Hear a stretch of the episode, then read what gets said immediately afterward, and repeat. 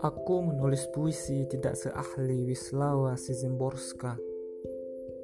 Setidaknya mampu menghiburmu seperti Frida Kahlo yang menari dalam lukisannya Van Gogh. Lalu melisankannya seperti Four Seasons-nya Antonio Vivaldi. Agar kau tidak lupa bahagia.